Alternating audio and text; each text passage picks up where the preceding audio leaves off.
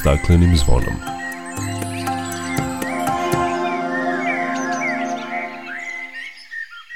Dobar dan i dobrodošli na Zeleni talas prvog programa radija Radio Televizije Vojvodine. Ja sam Dragana Ratković. Još se nismo oporavili od nevremena koje je krajem jula zahvatilo naše krajeve, a pre nekoliko dana nevreme jaka oluja, kiša i grad pogodili su sentu. Klimatolozi kažu da će ekstremnih događaja u budućnosti biti sve više i da je potrebno da počnemo da se prilagođavamo na promenu klime. Tim povodom govorit ćemo o projektu prilagođavanje i otpornost lokalnih zajednica na klimatske promene. Svakog poslednjeg vikenda u avgustu obeležava se Međunarodna noć slepih miševa – Kod nas, možemo reći oduvek, a pojavom korone u celom svetu vladaju različite predrasude o slepim miševima.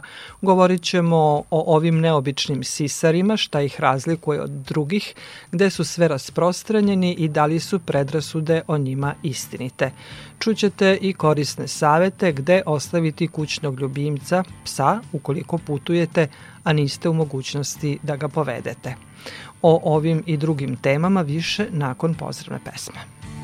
Dok priroda kraj nas plače Za vladarskim svojim tronom Tužno vele narikače Pod staklenim smo zvonom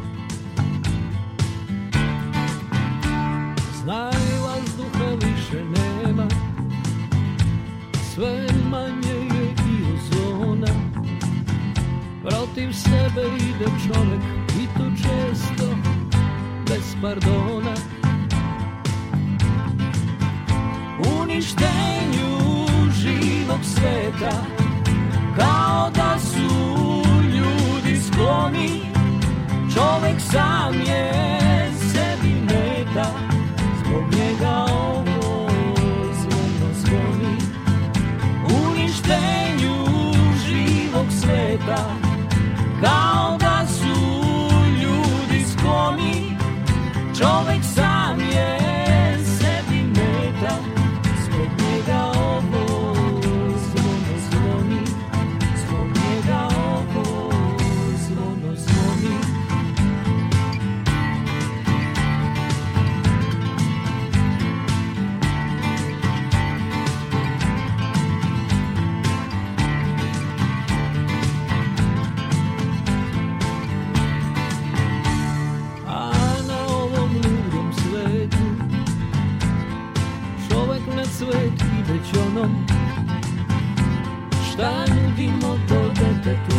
stakleni kad smo zvonom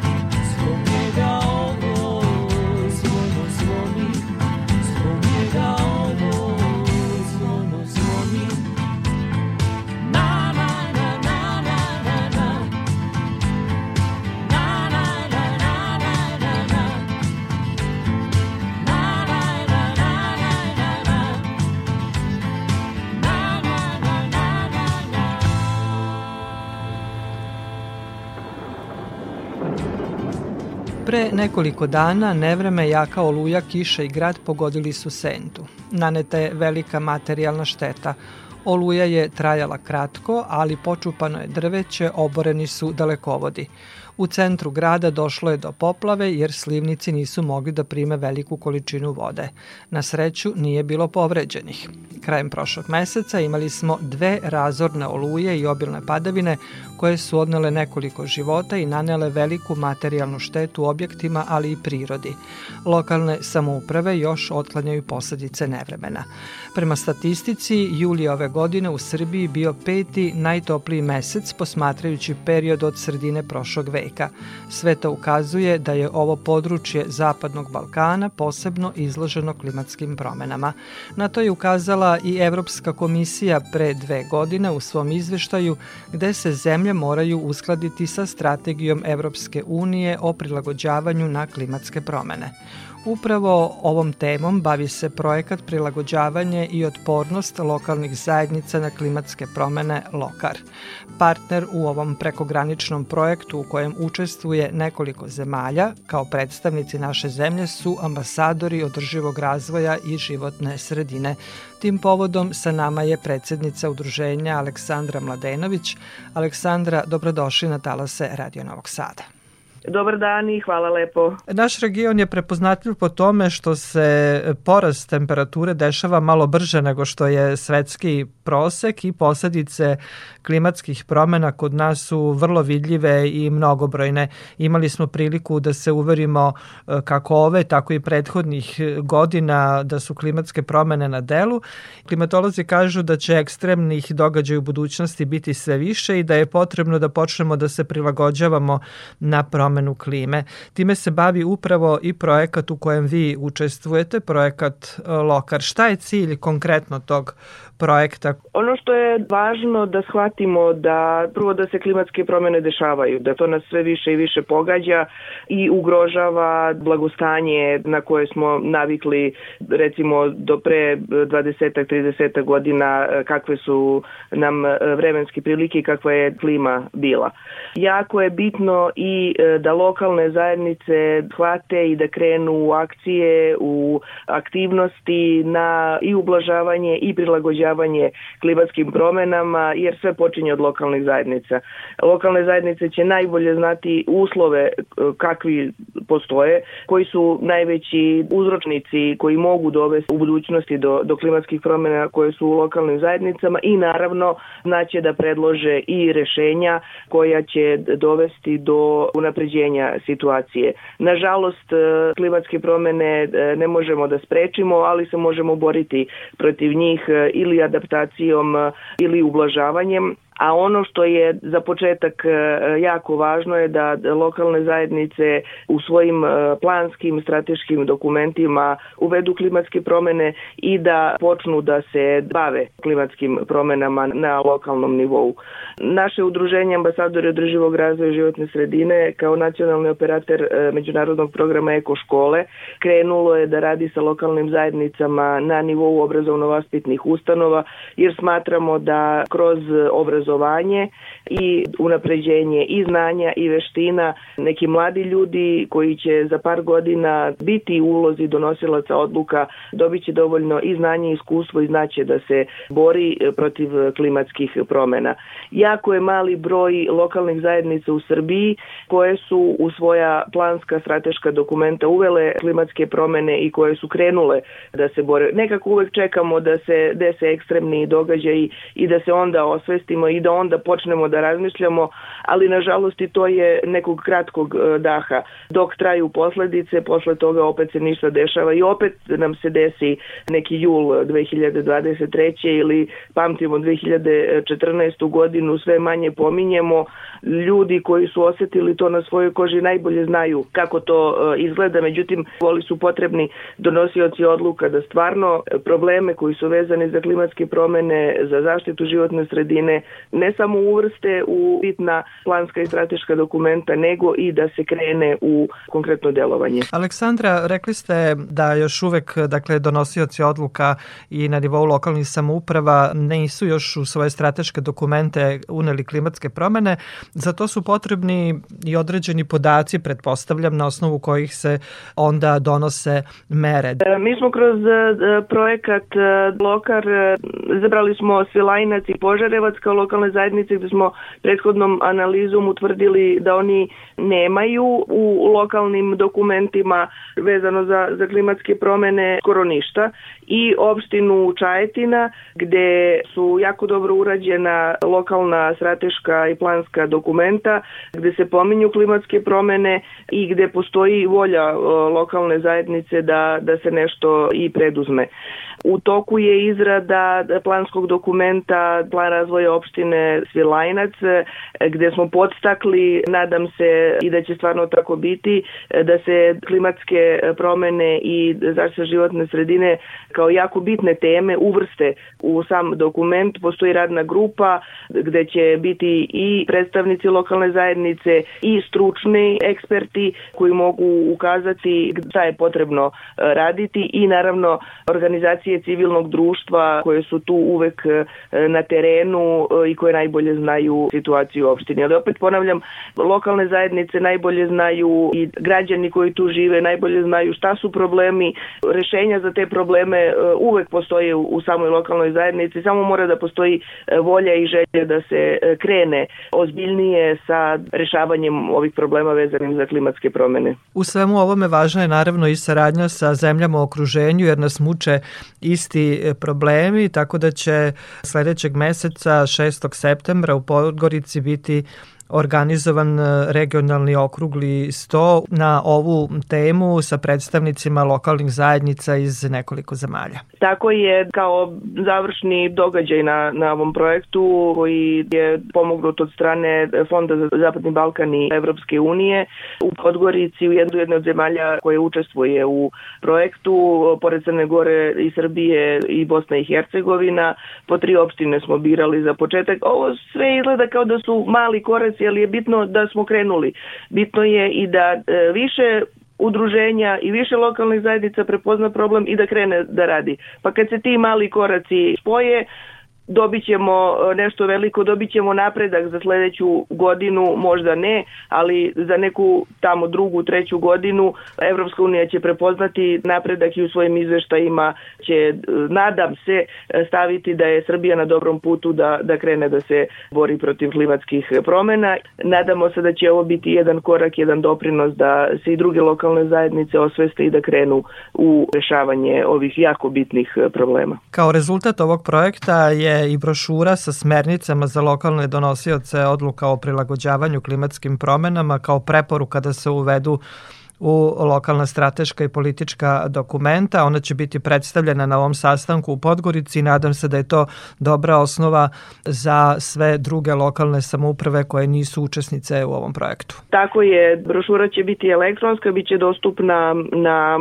sajtovima naših e, udruženja, organizacija koje su u projektu, kolege iz Bosne i Hercegovine, iz Crne Gore i mi analizirali su situaciju u konkretno e, lokalnim zajednicama zajednicama sa kojima e, smo radili. Brošura će biti napravljena tako te smernice da mogu da se prilagode i za druge lokalne zajednice, da se podstaknu, da e, se krene ne samo sa razmišljanjem nego i sa konkretnim akcijama. Ublažavanje i adaptacija na klimatske promene nije jeftina, skuplje je rešavati probleme nakon posledica. Skoro sam se čula sa našom predstavnicom iz Eko škole iz Bačke Palanke. Strašne su se e, stvari stvari tamo dešavale nakon e, julskih e, nevremena i jako je teško tim ljudima da se osveste šta se desilo, ono što priroda e, uradi to čovek bez obzira na, na, na svoju moć i na superiornost za koju misli, odnosno ubeđenje da je nad prirodom ne može da, da spreči. Jednostavno od, otuđili smo se, odvojili smo se od prirode i na neki način priroda uzvraća. Nadam se da ovi ekstremni događaji će biti dovoljni da nas osveste da su klimatske promene na delu i da konačno moramo nešto preduzeti da se adaptiramo i da ublažimo e, posledice klimatskih promena. Aleksandra, hvala lepo za razgovor i učešću u programu Radija Novog Sada. Hvala vama na mogućnosti i nadam se da će bar još u ovoj godini lokalnih zajednica krenuti sa aktivnostima na adaptaciji e, i na ublažavanju klimatskih promena. Hvala lepo.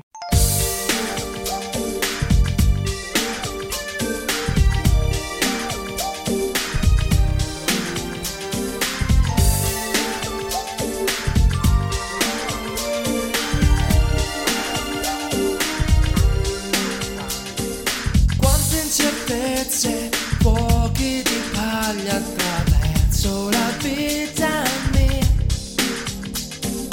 Fino a incontrarci quasi per caso in un attimo di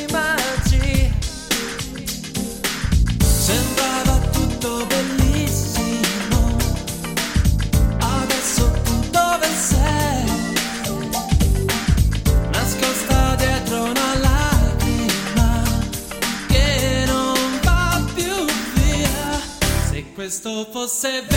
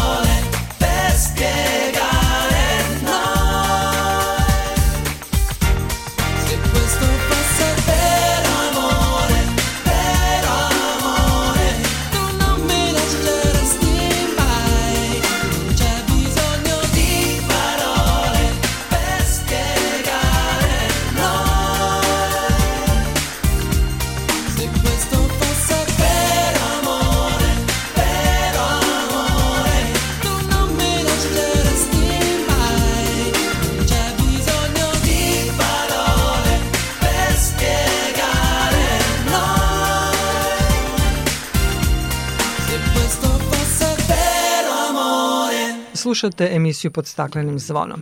Svaka ušteda energije i svaki kilovat proizveden iz obnovljivih izvora je značajan u borbi protiv klimatskih promena. Energetska efikasnost je sektor koji definitivno ne dobija dovoljno pažnje imajući u vidu potencijal koji ima u borbi protiv klimatskih promena. Jedna od mera koju država preduzima u povećanju energetske efikasnosti je subvencija troškova zamene stolarije i izolacije objekata. Nove prijave počinju u septembru.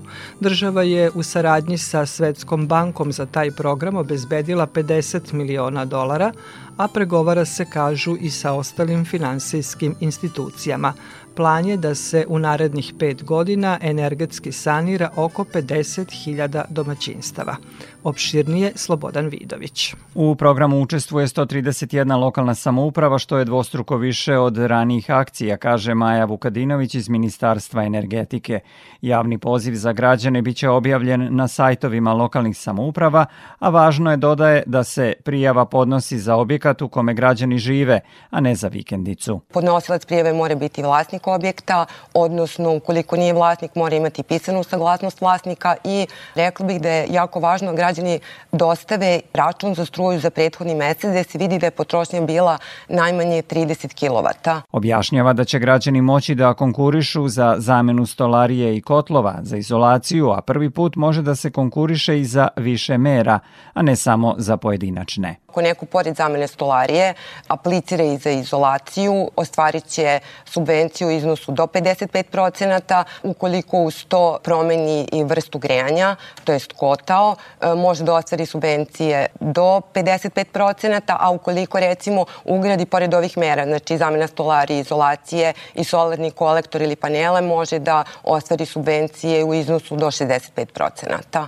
U okviru nacionalnog programa koji je počeo pre dve godine u tri javna poziva, subvencije je dobilo oko 20.000 domaćinstava.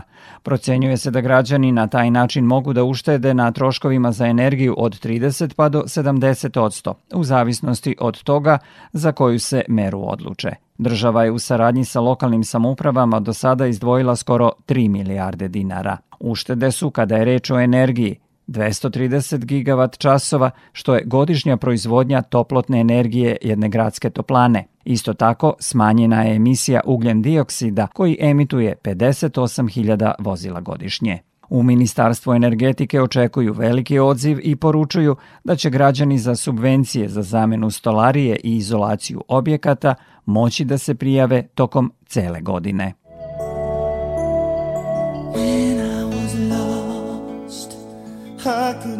see all the beauty and wonder wrapping around me.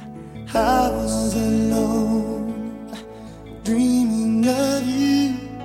Oh, I could not imagine this dream coming true. So much joy now in all that I touch.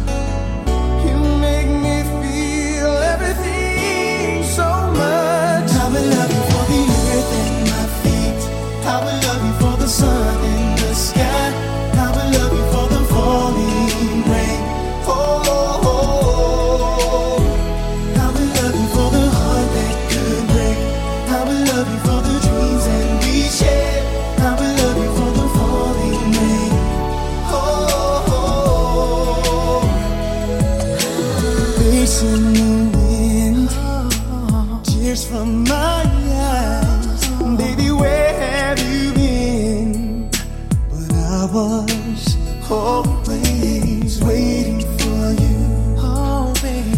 pull back up.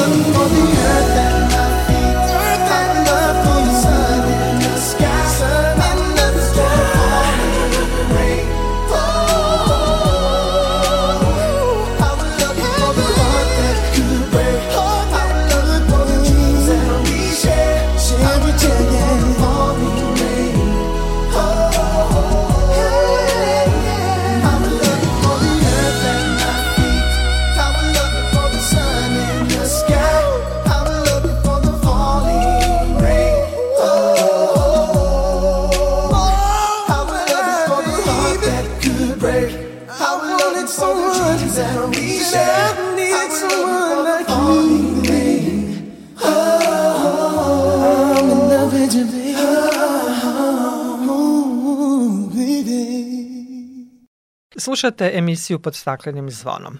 Svakog poslednjeg vikenda u avgustu obeležava se Međunarodna noć slepih miševa cilj ove manifestacije da se popularišu i zaštite slepi miševi, da se građani upoznaju sa njihovim specifičnim načinom života i da se razbiju predrasude i strahovi vezanih za ove leteće sisare. U tome će nam pomoći Ivana Budinski sa Instituta za biološka istraživanja Siniša Stanković. Ivana se bavi proučavanjem ovih neobičnih sisara ne samo kod nas, nego i nekim drugim zemljama je to radila. Ivana, dobrodošli na Talasa Radio Novog Sada. Hvala puno na pozivu i jako mi se sviđa tema o kojoj ćemo danas da pričamo. Kao što ste rekli, ja se s lepim bavim već puno godina i mimo istraživanja ovih životinja jako puno radim na popularizaciji pošto su dosta neshvaćeni od strane ljudi. Upravo zbog toga i želimo da ovoj temi i ovim neobičnim sisarima posvetimo malo pažnje. Inicijativa Međunarodne noći slepih miševa je nastala u okviru sporazuma o čuvanju slepih miševa Evrope, koji je deo Međunarodne konvencije o čuvanju migratornih vrsta divljih životinja, poznatije kao Bonska konvencija, koja je u Srbiji stupila na snagu 1. marta 2008. godine, ali pojavom korone, a kod nas mogu slobodno reći, od uvek vladaju različite predrasude o slepim miševima, kako je cilj Međunarodne noći slepih miševa da se bolje upoznamo sa specifičnim načinom života i da se razbiju predrasude i strahovi vezani za ove leteće sisare, zamolila bih vas na početku razgovora da nas upoznate sa ovim neobičnim životinjama, da nam kažete nešto o njihovim specifičnostima, šta ih razlikuje od drugih, gde su sve rasprostranjeni, koja su njihova staništa i tako dalje, kako bi upravo otklonili ove predrasude ali strahove koje neki imaju. Slepi miševi, kao što ste rekli, su jedna grupa sisara, u pitanju je red sisara i to su jedini sisari koji imaju mogućnost aktivnog letenja.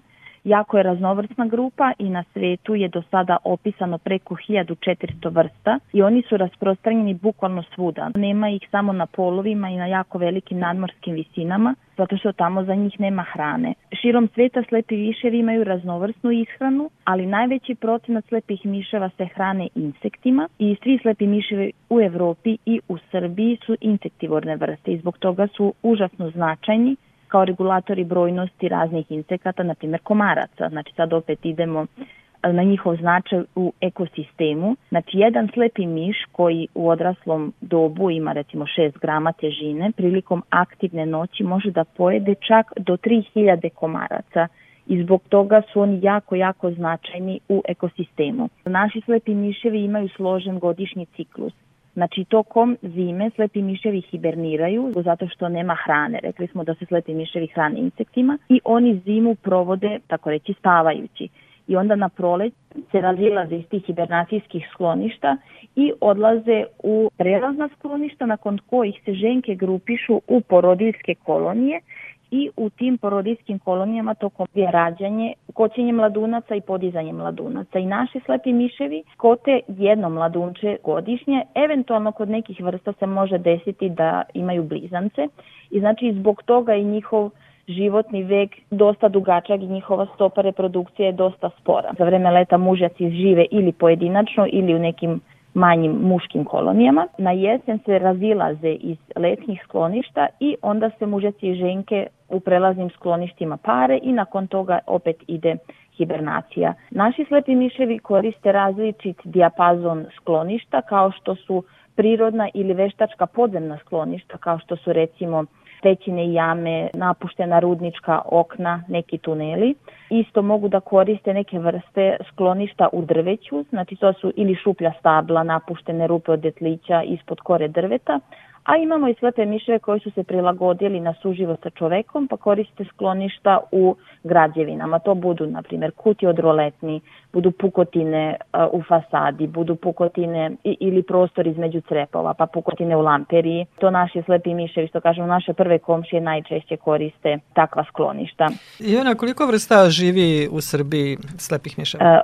Uh, u Srbiji do sada imamo zabeleženo 31 vrstu slepih miševa, što nas čini među bogatima u Evropi što se tiče diverziteta slepih miševa. Da rekli ste da su oni prirodni regulatori brojnosti insekata, ali jedna od predrasuda koja je vezana za slepe miševe je da se oni hrane krvlju i zbog toga na njih gledaju kao neku vrstu vampira pa su na lošem glasu. Već sam rekla da na svetu postoji preko 1400 opisanih vrsta slepih miševa, a od njih se svega tri hrane krvlju, od čega se dve hrane krvlju ptica, a samo jedna jedina vrsta slepih miševa na svetu, taj takozvani slepi miš vampir, se hrani krvlju sisara, uglavnom stoke. I taj vampir, Desmodus rotundus je njegov latinski naziv, on je rasprostranjen u području centralne i južne Amerike – I zbog te jedne jedine vrste slepih miševa su svi slepi miševi ozloglašeni, ali kao što rekoh, naši se svi hrane insektima. A ona od predrasuda da slepi miševi mogu da se upetljaju u kosu? Slepi miševi, iako se zovu slepi, oni nisu slepi, znači slepi miševi vide, ali pošto su aktivni tokom noći, e, taj vid im nije baš od koristi. Onda su slepi miševi razvili jedno novo čulo, koriste eholokaciju. Znači oni ispuštaju zvuk visoke frekvencije koji se odbija od svega što ih okružuje i tako im se jako, jako precizna slika prostora formira u glavi.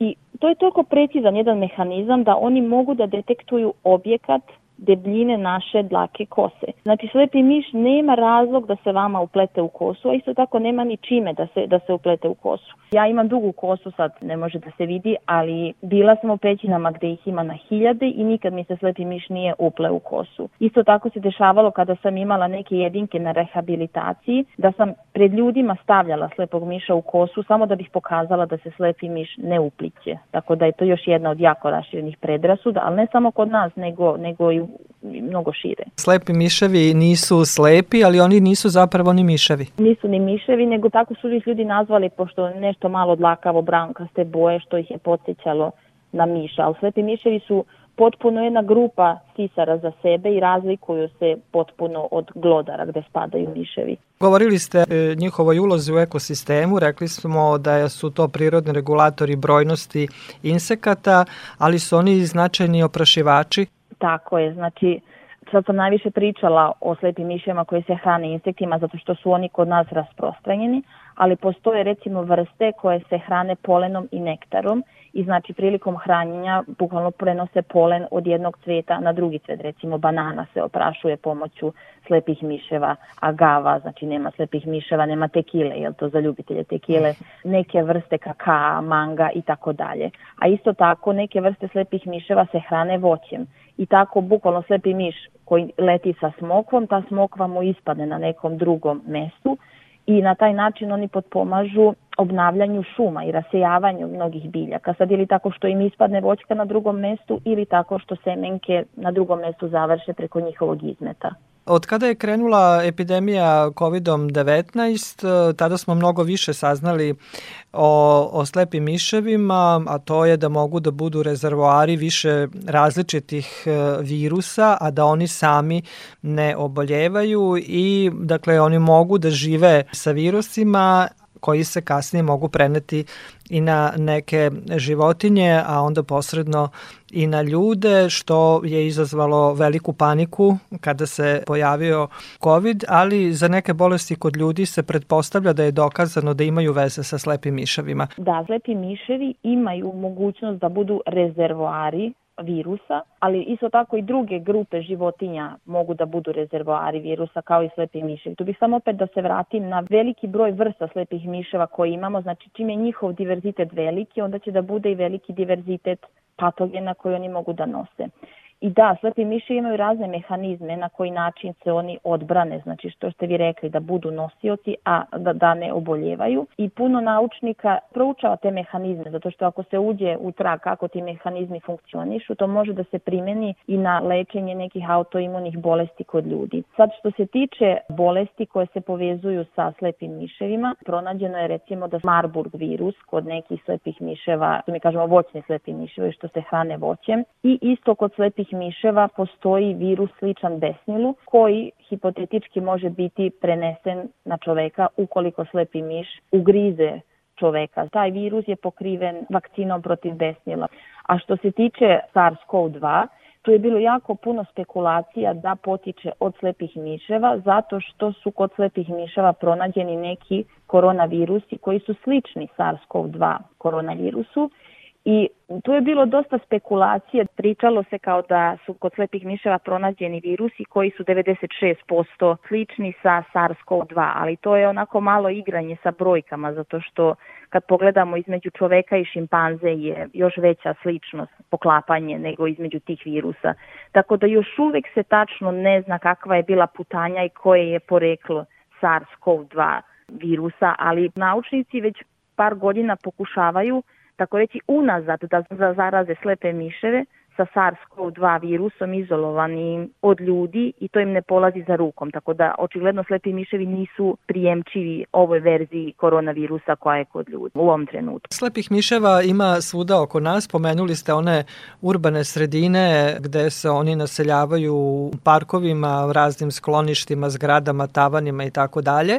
Viđamo ih ovde i u Novom Sadu po parkovima, baš ih ima dosta i mnogi se boje kad im slepi miš miš e, uleti u stan i ne znaju kako da se ponašaju, pa vas molim za savet šta u toj situaciji treba uraditi. Da, mislim u toj situaciji treba da razumemo da je slepi miš jednako uplašen kao i vi, ako ne i više, i da on nije namerno ušao. Pogotovo sada, krajem avgusta, se dešava da poletarci, tako da kažem, tinejdžeri, slepi miševi počinju da lete. I oni sad ili nisu toliko vešti letači, ili bukvalno jedan za drugim uđu u stan, ili recimo ako su vam otvoreni prozori, upaljeno svetlo, uđu komarci, slepi miševi kad uđe unutra, onda se dešava da ne može da izađe napolje i onda slepi miš u panici će da leti u krug. I leti u krug i to tik ispod plafona, zato što bukvalno pokuša da pobegne što više može od vas i na taj način i pomoću svoje holokacije nikako ne može da locira prozor ili vrata kuda je uleteo, pošto najčešće iznad prozora ili vrata ima prostor do plafona kuda oni lete i najgore što možete da uradite, vi pokušate da ga isterate, jer će on još više da se uspaniči i, i mislim to tako deluje malo kao da histerično leti, ali on bukvalno pokušava da pobegne od vas, a ne zna, ne zna kako. Tako da je najbolje pokušati ostati pribran, ugasiti svetla, ostaviti mu otvoren prozor ili vrata, pustiti prostoriju. Znači on će još malo da leti, pa će u nekom trenutku da se umori, da se zakači negde, malo neku zavesu ovaj, ili na komad nameštaja, pa malo kad dođe k sebi, kad iskenira prostor, on će da nađe svoj izlaz napolje. U jako malom procentu se dešava da oni ipak ne izađu, sad ili, ili zato što se umori i više ne može da leti ili je u pitanju povređena životinja, pa a, najbolje ako možete da ga uhvatite nekom krpom pa samo napolje, da na terasu, da na prozor, a ako je povređen, najbolje pozvati stručnjake, znači ili pozvati Prirodnjački muzej u Beogradu ili Pokrajinski zavod za zaštitu prirode kod nas Tako je, u Novom Sadu. Sadu jeste, jeste jedinica zavoda, bilo u Beogradu, Novom Sadu ili Nišu. Ivana, hvala vam za razgovor. Mnogo smo saznali o slepim miševima, njihovom značaju za ekosistem, kao i u vezi sa koronavirusom. E, nadam se da smo razbili e, predrasude i strahove mnogih vezanih za ove leteće sisare i evo, e, Međunarodna noć slepih miševa bila je samo povod da se upoznamo sa specifičnim specifičnim načinom života i na neki način da razbijemo ove predrasude. Nadam se da smo u tome uspeli uz vašu pomoć. Hvala još jednom. Hvala vam.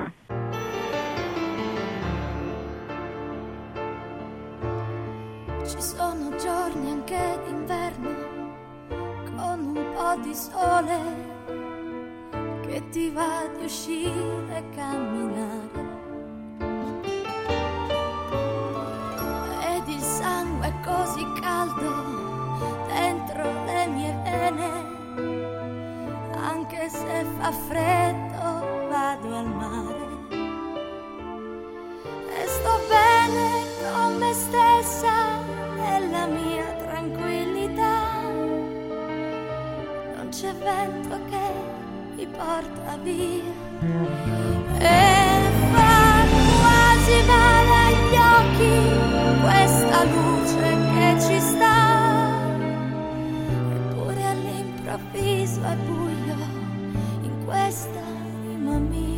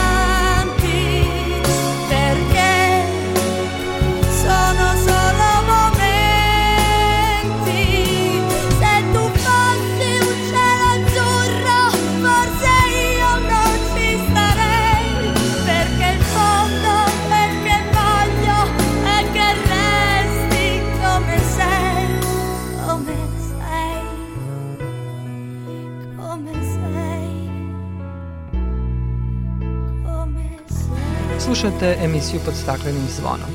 Najverniji prijatelji iz životinskog sveta su nam psi, mada to mogu biti i ptice ili čak neke egzotične životinje. Prave nam društvo kada smo u kući, u šetnji, ali često i na odmoru, ako nam uslovi dozvoljavaju da ih povedemo. Problem može predstavljati naše višednevno odsustvo od kuće, bilo iz poslovnih razloga, odlaska na odmor ili je posredi nešto treće.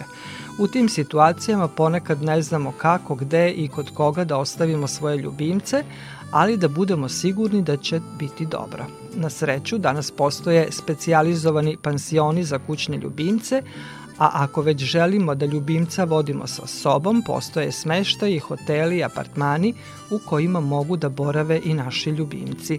Takvi objekti nose oznaku pet friendly. Priču o tome donosi nam Vlado Matijević. Ponekad i nije lako da se rastavimo od svog ljubimca, pa makar to bilo i na kraće vreme – mada postoje rešenja da to bude gotovo bez stresa. Kao vlasnici kućnih ljubimaca moramo da razmišljamo i o tome. Sezona je godišnjih odmora kada mnogi od nas nekud putuju, na more ili neke daleke destinacije gde sa sobom ne možemo voditi svog ljubimca, svog psa recimo. Za takve situacije postoje usluge pansiona gde vaš pas može bezbedno da boravi sve vreme vašeg odsustovanja Pitali smo jednog od odgovornih vlasnika pasa Milana Ivkovića kakvu vrstu usluga očekuje od pansiona za pse i kakva su njegova dosadašnja iskustva. Ja sam ponosan vlasnik psa, kog sam znači, prvi put ostavio u pansionu iz nužde zbog putovanja. E, moje iskustva su do sad vrlo pozitivna, pansion sam koristio 5 dana prvi put, kad smo bili na putu. Od pansiona sam očekivao sve ono što pas očekuje od mene. Čak u ovom pansionu, da kažem, previše dobri i za ljude, a ne za pse, zato što je svaki boks bio ovaj, i klimatizovan i pas se izvodio pet puta dnevno znači u ograđen prostor. Vlasnici pansiona ili ne znam ko već je zadužen za organizaciju celog posla Eh, uglavnom pitaju kako je naravi da mogu da iskombinuju s, s kojim drugim psima bi ga mogli puštati u toku dana napolje, da obavi nuždu, da protrči malo, protegne noge što se kaže i ostalo. Znači, vrlo je odgovorno s te strane, znači postavljaju vam puno pitanja kako bi mogli što bolje da upoznaju psa koji prvi put dolazi u taj pansion, na osnovu toga oni vrše procenu i psa čuvaju za to vreme i paze kao i sam vlasnik što bi radio. Znači, to je za mene prvenstveno bitno. On ne oseti nikakvu razliku u konforu, u načinu života, u navikama od onoga što je ima svakodnevno Kako i gde se informišemo o kvalitetu usluga pansiona? Da li to činimo putem interneta ili je sigurnije takvu vrstu informacije dobiti od prijatelja? odnosno ljudi koji su već imali iskustvo sa uslugama pansiona. Naš sagovornik iznosi svoje iskustvo. Prvo sam se informisao preko interneta, a kada sam našao nešto što mi odgovara, onda sam tražio preporuku od ljudi koji su lično ostavljali tamo se. Čisto da utvrdim da li je to stvarno sve tako kao što tamo piše i kako su, kako su oni iskustva imali sa svojim psom prilikom njegovog boravka u pansionu, što znači i mislim da je ta neposredna komunikacija sa ljudima koji su ostavljali najbitnije u stvari da biste vi imali da kažem neki mir i sigurnost da je vaš pas bezbedan, siguran, veseo i da neće patiti u vremenu ko, za koje bude boravio tamo. Svakako da je lakše da poverimo ljubimca kada je on naviknut na druge pse u okruženju da je vaš pas socijalizovan, makar do te mere da pristaje bez odbijanja boravak u nepoznatoj sredini. Ta osobina olakšava svako odvajanje. To nam je takođe potvrdio i Milan, čiji pas Bili, rase Coton de Tulear, poseduje upravo takve osobine. Mnogo je lakše kada vam je pas socijalizovan da prihvati samo boravište u pansionima zato što je stekao navike koje su uobičajene, mislim da se očekuju od psa, znači da može da ostane bez vas, da ne cvili, ne tuguje, Mnogo je lakše socijalizovanog psa primiti u pansion. Sami vlasnici pansiona znaju da neće imati problema sa takvim psom i da će lakše prihvatiti okruženje i da neće imati posebne potrebe koje će se morati samo na njega odnositi u smislu toga da moraju tražiti termin sa, samog da ga puste u taj otvoren prostor gde obično su pušteni psi koji imaju slične karaktere Ponekad imamo i želju ili potrebu da psa vodimo sa sobom na put. Naravno, svi mi koji smo vlasnici znamo, odnosno trebalo bi da znamo šta to podrazumeva. Ako idemo u apartman na nekom letovalištu ili zimovalištu, svejedno, taj apartman mora da ima oznaku pet friendly, odnosno Ako nema, nije isključeno da vlasnice apartmana ipak dozvole prisusto vašeg ljubimca. To nam je napomenuo i naš sagovornik Milan Ivković o iskustvu putovanja sa psom i boravkom u novoj sredini Da, vodili smo psa sa sobom nekoliko puta i iskustvo je bilo predivno. Prvenstveno zbog toga što je ta promena sredine za psa vrlo značajna, ti novi mirisi, okruženje i sve ostalo što je drugačije od one svakodnevnice koju imaju, znači njima se šire vidici i oni su na nekoj vrsti svog odmora pored nas, koliko mogu da uživaju u svemu tome. Savjetovao bih svima koji misle da vode psa sa sobom da kada traže smeštaj za svoj boravak, bez obzira na to što možda ne piše da je smeštaj pet friendly, ipak to provere sa vlasnicima apartmana. Zato što smo mi imali slučaj da smo E, našli odgovarajući smešte, ali nije pisalo da je pet friendly. Ja sam kontaktirao vlasnika smeštaja i pitao da li postoji mogućnost da mali kućni pas koji živi sa nama u stanu i ima sve e, navike koje se očekuju od psa što se tiče i higijene i navika i ostalo. E, čovjek se složio bez problema zato što i oni su ljubitelji između ostalog životinja I na kraju možemo zaključiti da kao vlasnici ljubimaca moramo prikupiti dosta informacija i dobro poznavati osobine svog psa kako bismo bili sigurni da je naš ljubimac dobro u vreme našeg odsustva, kao i da će biti disciplinovan ako je sa nama na putu. Moramo biti svesni da nam je, ako vodimo psa sa sobom, na primjer na more, areal kretanja tada ograničen – prisustvo ljubimca na većini plaža nije dozvoljeno, odnosno postoje specializovane plaže za pse koje su uglavnom na izdvojenim mestima i vidno su obeležene, kao i zabrane za prisustvo ljubimaca na redovnim plažama. Svega toga moramo biti svesni kada sa psom krećemo na put, bez obzira što će nam boravak biti u smeštaju sa oznakom pet friendly. Takođe postoje usluge boravka u pansionu na dnevnom nivou ili samo nekoliko sati kada naše obaveze zahtevaju takvu vrstu usluge. Ako nemamo nekog člana porodice ili prijatelja koji će u takvim situacijama izvesti psa da obavi svoje fiziološke potrebe, da mu se ponudi sveža i uvek dostupna voda i uobičajeni obrok, primorani smo da ljubimca ostavimo na čuvanje u pansione koji nude i takvu vrstu usluge, takozvani dnevni boravak. Biti vlasnik kućnog ljubimca veoma je lepo, ali to podrazumeva i neke obaveze kojih u svakom trenutku moramo biti svesni. Time i sebi i njima činimo uslugu, human i savestan gest i učvršćujemo obostranu ljubav.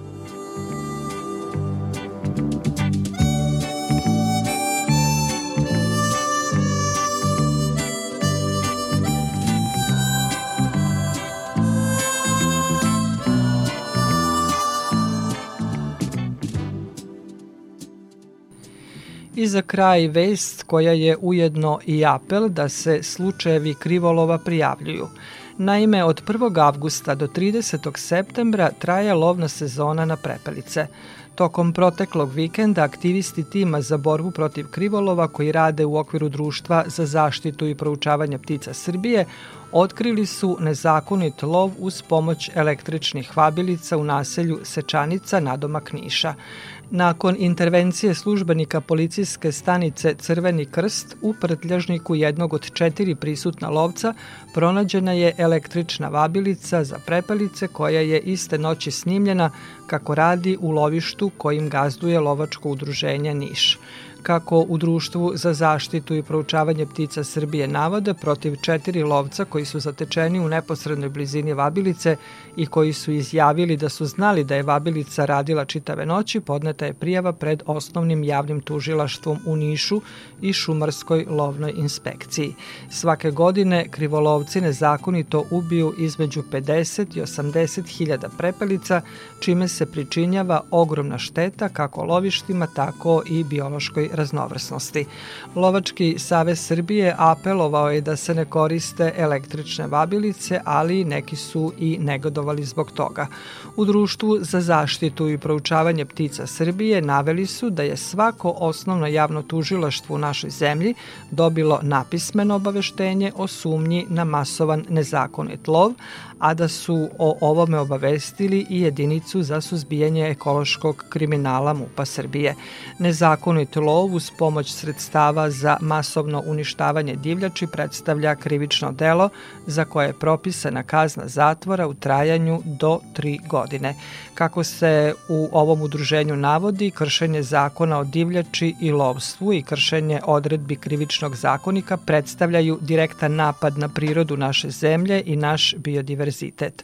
Aktivisti tima za borbu protiv krivolova biće na terenu tokom čitavog avgusta i septembra i upućuju apel građanima da ukoliko imaju saznanja o upotrebi električnih vabilica, slučajeve krivolova prijave policiji, Društvu za zaštitu i proučavanje ptica Srbije ili da se jave na stranicu tima za borbu protiv krivolova.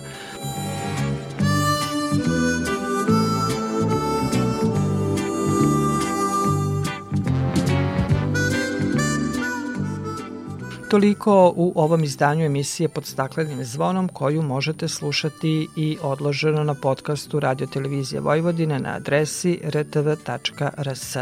Emisiju realizovali Dalibor Vidović, Maja Tomas i Dragana Ratković. Naredni susret zakazujemo za sedam dana u isto vreme na zelenom talasu prvog programa radija Radio Televizije Vojvodine. strumming my pain with his fingers, singing my life with his words,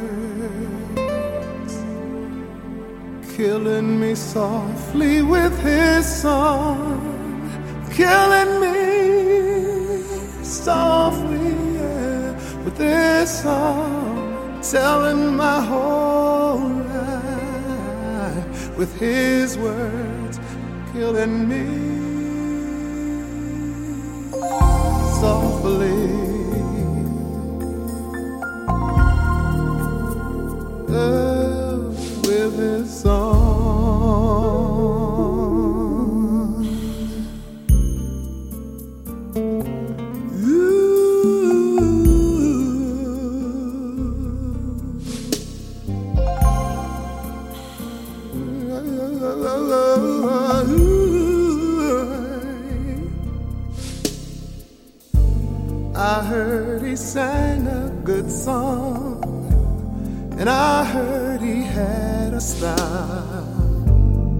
so I went to see him to listen for a while. And there he was, the stranger, there before my eyes, strumming my pain with his fingers, singing my life with his words, killing me softly with his song, killing me softly with his song, telling my whole life with his words, killing me softly with his song. I felt all flushed with fever, embarrassed by the crowd. I felt he'd found my letters and read each one out loud.